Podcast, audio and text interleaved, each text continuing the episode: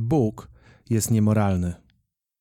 Moglibyśmy rozmawiać o bardzo wielu aspektach jego nauk, które prowadzą do takiego wniosku, ale wystarczy skupić się na jednym na stosunku Boga Biblii do niewolnictwa.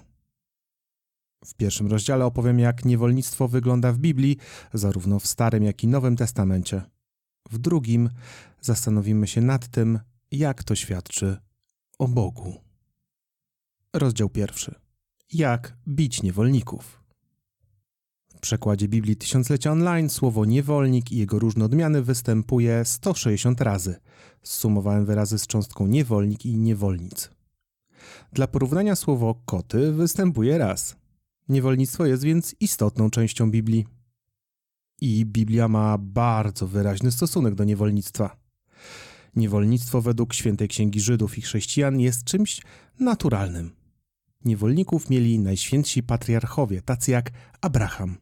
Nie bez przyczyny są tak opisywani.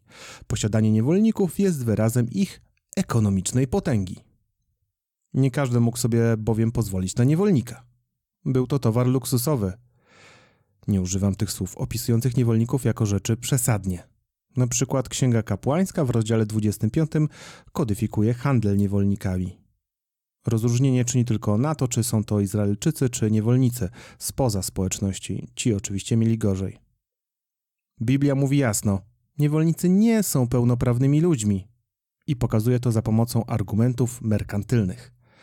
W Starym Testamencie Księga Wyjścia w rozdziale 21, wersie 32 podaje: Gdyby zaś wół zabudł niewolnika lub niewolnicę, jego właściciel winien wypłacić ich panu 30 syklów srebrnych, wół zaś będzie ukamienowany. 30 srebrników to niewielka opłata za niewolnika, tyle był po prostu wart. Biblia pokazuje nam w ten sposób, że niewolnik jest po prostu towarem. Jeśli uszkodzimy w sklepie towar, to musimy za niego zapłacić. Proste. Swoją drogą pewnie zwróciliście uwagę na te 30 srebrników. Tak, dobrze kojarzycie, to taka sama kasa, jaką Judasz dostał za wydanie Jezusa. Podejrzewa się, że autor Ewangelii Mateusza chciał nam zasugerować, że Jezus jest warty dla Judasza tyle, co niewolnik. Notabene, jeśli zainteresował Was ten temat, to mam film o tym na kanale pod tytułem Ile były warte srebrniki Judasza i co można było kupić za 30 srebrników. Wracając do prawa biblijnego. Mimo tego, że niewolnicy byli traktowani gorzej niż reszta ludzi, jakieś granice były. Niewolnika na przykład nie można było zatłuc na śmierć na miejscu. Kto by pobił kijem swego niewolnika lub niewolnicę, tak iżby zmarli pod jego ręką, winien być surowo ukarany. No ale zaraz w kolejnym wersie dodano: A jeśli by pozostali przy życiu jeden czy dwa dni, to nie będzie podlegał karze, gdyż są jego własnością. Czyli nie może na przykład na miejscu skręcić karku niewolnikowi, ale jeśli skatuje się go tak, że umrze po paru dniach, to wtedy wszystko jest ok. Są też inne fragmenty pokazujące, że niewolnicy to też ludzie, ale jak przyjrzymy się im bliżej, to już nie jest takie jednoznaczne. Księga Powtórzonego Prawa w rozdziale 23, wersach 16 i 17 mówi Nie wydasz panu niewolnika, który się schronił ciebie przed swoim właścicielem. Z tobą będzie przebywał w twym kraju, w miejscu, które sobie wybierze, w jednym z twoich miast, gdzie będzie się czuł dobrze. Nie będziesz go dręczył. Hmm, wydaje się to dobre i szlachetne. Zbiegły niewolnik pewnie był źle traktowany, więc trzeba go otoczyć opieką tylko trzeba wyjaśnić tu kontekst. Komentarze do Biblii, zarówno żydowskie, jak i chrześcijańskie, mówią, że chodzi tu o zbiegłych niewolników spoza kraju.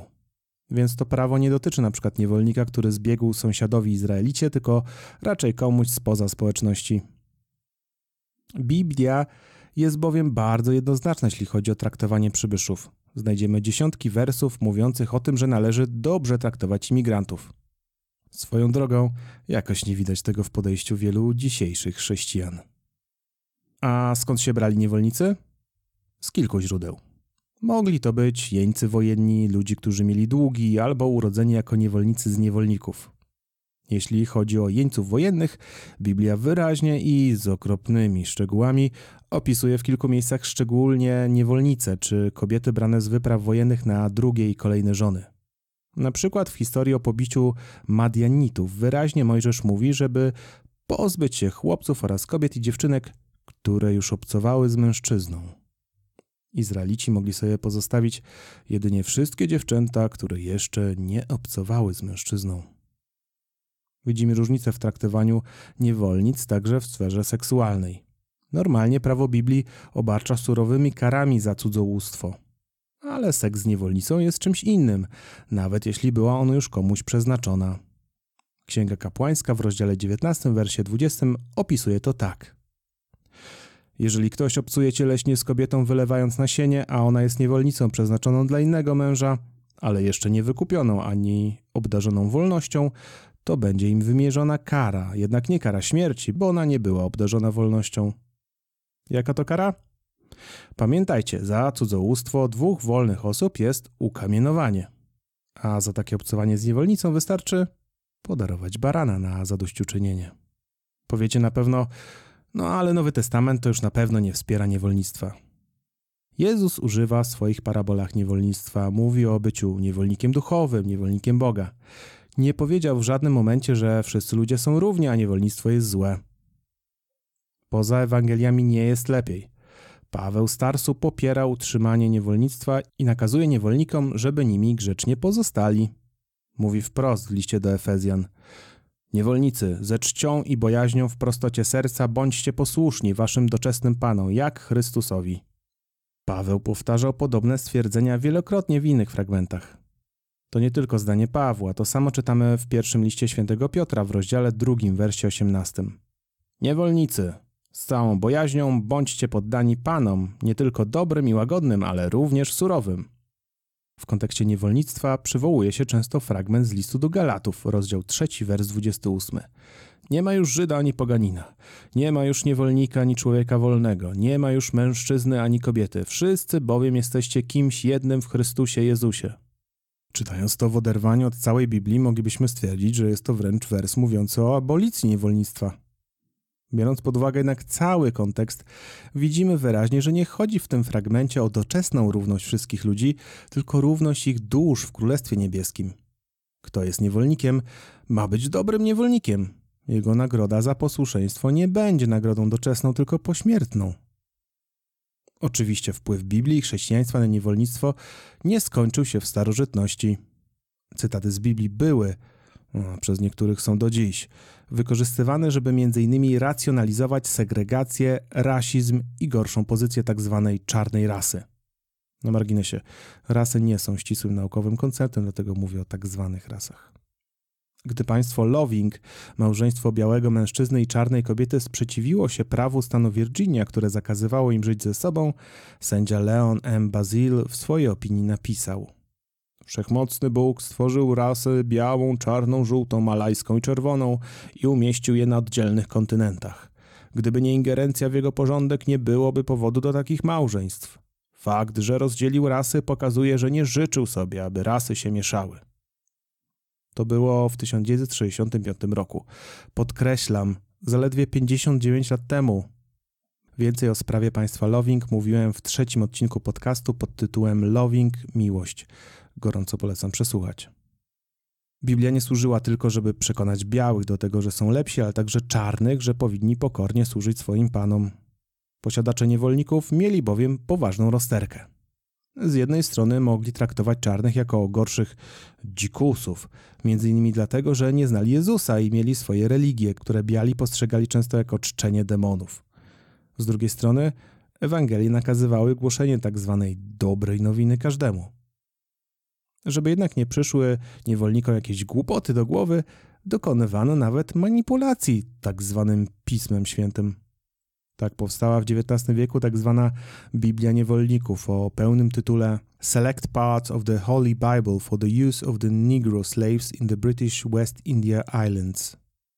Była to Biblia wykastrowana z różnych ustępów, które mogły czarnym niewolnikom dać takie szalone pomysły, że wszyscy ludzie są równi i że można wręcz powinno się buntować przeciwko niesprawiedliwości. Nie zawiera na przykład tego wersu z listu do Galatów o tym, że nie ma już Żyda ani poganina, nie ma już niewolnika ani człowieka wolnego. Rozdział drugi. Co to mówi o Bogu? Chyba nie muszę nikogo przekonywać do tego, że wszyscy ludzie są równi w swojej istocie, a świadczą o nich tylko ich czyny. Tak uważam ja i zapewne większość innych ateistów na podstawie wartości humanistycznych. Dziś również istotna część chrześcijan by tak samo powiedziała. Ich święta księga, jak już udowodniłem, mówi jednak coś innego. Z jaką spotykamy się najczęściej odpowiedzią na taki zarzut? Często słychać komentarze, że opisywane w Biblii niewolnictwo to nie było tak naprawdę niewolnictwo, tylko służenie, taka praca. Nad tym argumentem nie będziemy się jednak długo rozprawiać. Udowodniłem w pierwszym rozdziale, że niewolnik nie był zwykłym pracownikiem, tylko towarem należącym do swojego pana. Inny, poważniejszy argument w odpowiedzi na zarzut o wspieranie niewolnictwa przez Biblię mówi, że Jezus zmienił wszystko, postawił w centrum przekazanie miłości. To dlaczego niewolnictwo miało się dobrze jeszcze w XIX wieku? Bo ludzie źle rozumieli Jezusa. I choć rzeczywiście ze słów Jezusa nie da się wprost wyprowadzić łatwego poparcia dla niewolnictwa, pozostałe części Nowego Testamentu oraz cała długa tradycja Kościoła pokazują, że niewolnictwo nie tylko nie jest niekompatybilne z chrześcijaństwem, a wręcz jest jego integralną częścią. Czy można tak zinterpretować fragmenty tradycji Biblii, żeby uznać niewolnictwo za niemoralne? Można. Ale wymaga to intelektualnych fikołów i przymykania oczu na dużą część pisma, które podobno zostało objawione przez Boga, źródło wszelkiej moralności. Takie były czasy, trzeba patrzeć na kontekst czasów. To inny argument, który często słyszę. I oczywiście nikt nie wymaga od starożytnych proroków Izraela czy Jezusa, żeby mówili nam, jak się zachowywać, jak na przykład ktoś nas hejtuje na grupce na Facebooku. No ale zasady moralne, przystające do współczesności, możemy wydedukować z Biblii. Na przykład czytając zdanie Lecz jeśli cię kto uderzy w prawy policzek, nadstaw mój drugi. Możemy wyciągnąć z tego interpretację, że na hejt na grupce na Facebooku nie odpowiadamy sami hejtem, Niestety, jeśli chodzi o niewolnictwo i nierówność Biblii, takiego samego zabiegu nie możemy uczynić. Biblia jest bardzo jednoznaczna, zarówno Stary, jak i Nowy Testament, że ludzie nie są równi. Może według Jezusa i apostołów dusze są równe, ale nie ludzie w swojej doczesności. Oddajcie więc Cezarowi to, co należy do Cezara, a Bogu to, co należy do Boga. Jezus przekonuje nas, że człowiek musi grać wedle reguł gry, jakie zastał. Opór jest nie tylko daremny, ale nieetyczny według chrześcijaństwa. Opór wobec opresji nie tylko jest daremny, ale jest nieetyczny według chrześcijaństwa. Może Bóg jest po prostu zły i nie jest twórcą moralności. Albo może po prostu wymyśliło go środowisko bogatych posiadaczy niewolników? Bo jak mogę uznać Boga, który nie sprzeciwia się niewolnictwu, za dawcę niezmiennej i ponadczasowej moralności, za źródło światła prawdy? To niemożliwe. Musielibyśmy albo uznać, że Biblia jest kłamstwem i nie jest objawiona, albo twierdzić, że moralność nie jest ponadczasowa i zmienia się razem z duchowym wzrostem ludzkości. Jeśli jednak ten duchowy rozwój wiąże się z jawnym odrzuceniem objawienia Biblii i pójściem za humanistycznymi wartościami, to gdzie tu miejsce na Boga? Czy Jezus musi zabić się ponownie, lecz tym razem nie zmartwychwstać, żeby ocalić ludzi przed Nim samym? Dzięki za uwagę. To była lekcja religii.pl. Nie zapomnij subskrybować mojego podcastu. Jeśli Ci się podobało, to pamiętaj, że możesz wesprzeć mnie na patronite.pl/lekcja religii.pl.